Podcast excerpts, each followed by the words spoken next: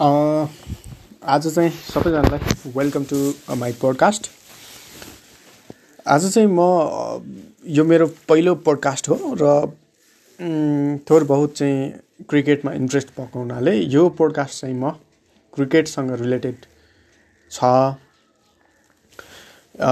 यो चाहिँ खासमा चाहिँ अहिले पछिल्लो समय जब चाहिँ यो त्रिकोणात्मक सिरिज भएको थियो मलेसिया नेदरल्यान्ड र नेपालको टियु क्रिकेट ग्राउन्डमा। त्यस पछाडि चाहिँ एकाएक नेपाली क्रिकेट मा चाहिँ एउटा नयाँ खेलाडीको उदय भएको छ। त्यो भनेको चाहिँ कुशल भुटेल हुन्। होइन? कुशल भुटेलले चाहिँ यो सिरिजमा लगातार यो यो यो सिरिज नै उनको लागि डेब्यु थियो। र डेब्युमा नै उनले लगातार तिनवटा म्याचमा चाहिँ फिफ्टी हानेर चाहिँ यिनी यिनले एकदम सनसनी मचाए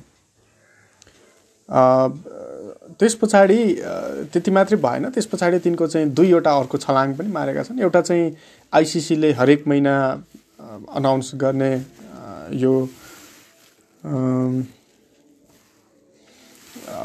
player of the match player of the month of the player of the मन्थमा चाहिँ अनाउन्स गर्छ। त्यो अनाउन्स गर्दाखेरिमा यसपालि नेपालको तर्फबाट कुशल भुर्तेल पनि परेका छन्। यो उनको एउटा चाहिँ सफलता थियो र अर्को सफलता भनेको चाहिँ उनी यति एउटा सिरिजबाट नै टी ट्वेन्टी क्रिकेटको वरियतामा पनि पर्न समावेश समावेश हुन पुगेका छन्। उनी चाहिँ आइसिसीको वरियतामा तिरानब्बेौँ स्थानमा छन्। नाइन्टी थ्री नाइन्टी थ्री तिरानब्बेौँ पोजिसनमा छन् तिनी। योभन्दा अगाडि चाहिँ अलराउन्डर पारस खड्का बयानौ एट्टी औँ स्थानमा थिए। स्थानमा छन् भनौँ न अहिले पनि छन् तिनी।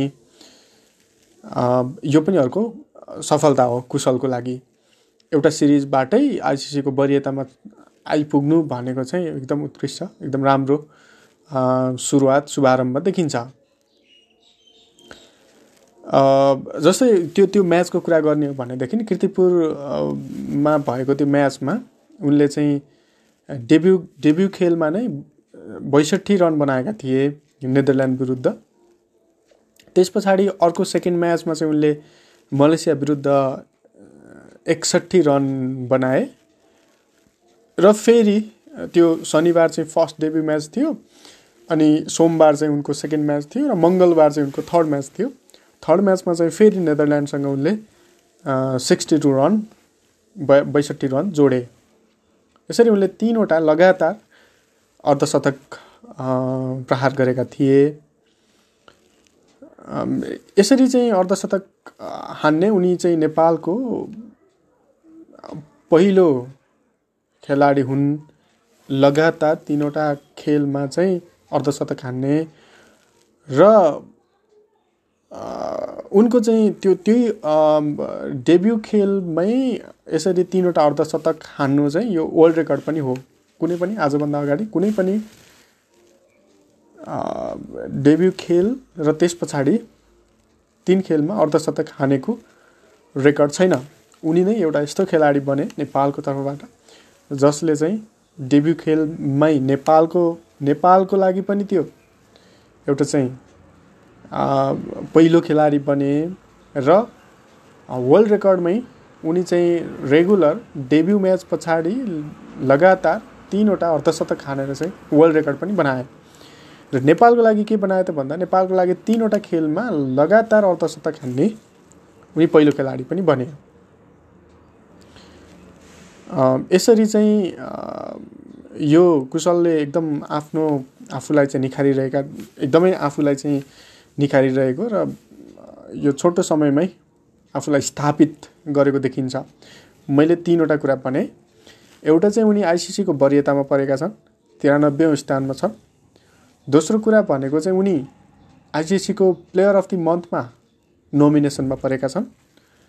र अर्को कुरा भनेको त्यही त्रिकोणात्मक खेलमा चाहिँ उनले नेपालको लागि पहिलो खेलाडी बने जसले चाहिँ तिनवटा अर्धशतक हानेको छ। लगातार र अर्को भनेको चाहिँ डेब्यु म्याचमै डेब्यु म्याच र त्यस पछाडि लगातार तिनवटा फिफ्टी हान्ने पनि उनी चाहिँ पहिलो खेलाडी बने। यसरी हेर्दाखेरिमा नेपाल त्यो सँगै अरू धेरै कुरा जोडेर आएको छ जस्तै नेपालमा चाहिँ लामो समयदेखि ओपनिङ ब्याट्सम्यान भएनन्। होइन ओपनिङ ब्याट्सम्यानहरू चाहिँ नहुँदाखेरिमा मध्यम क्रमका ब्याट्सम्यानहरूले चाहिँ राम्रो टिकेर खेल्न सकेनन्। होइन राम्रो स्कोर बनाउन सक्दैन। नेपाल जहिले पनि ब्याटिङमा चाहिँ कमजोर हुन्छ र नेपालले जित्ने भनेको जहिले पनि बलिङबाट हो भन्ने जुन एउटा चाहिँ स्थापित मान्यता थियो त्यो चाहिँ अब तोडिएको जस्तो पनि देखिन्छ। किनभने यसरी यो यो यो त्रिगुणा त्रिकोणात्मक खेल पछाडि तिनवटा जसरी चाहिँ कुशल भुर्तेल अगाडि आएका छन् त्यो हेर्दाखेरिमा चाहिँ अब नेपालमा ओपनिङ ब्याट्सम्यानहरू चाहिँ टिक्न सक्छन् र टिकेर खेल्छन्।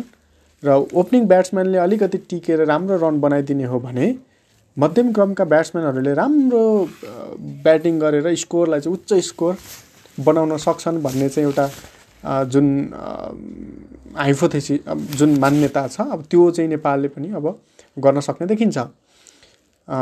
जस्तै अब चाहिँ यो ओपनिङ ब्याट्सम्यानहरू टिकेर खेल्दाखेरिमा अहिलेसम्मको सिचुएसन कस्तो थियो अवस्था कस्तो थियो भन्दा ओपनिङ ब्याट्सम्यानहरू सटसट झर्ने र मध्यम क्रमका ब्याट्सम्यानहरूले स्कोर अब फेरि राम्रोसँग खेल्नुपर्ने स्कोरमा भन्दा पनि त्यो टिकेर खेल्नुपर्ने त्यो प्रेसर भएको हुनाले चाहिँ अलि अलि धेरै स्कोर हान्न नसकेको अवस्था थियो भने अब चाहिँ अब त्यो पनि कम हुन्छ त्यो पनि त्यो समस्या पनि सुल्झिन्छ भन्ने मानिएको छ।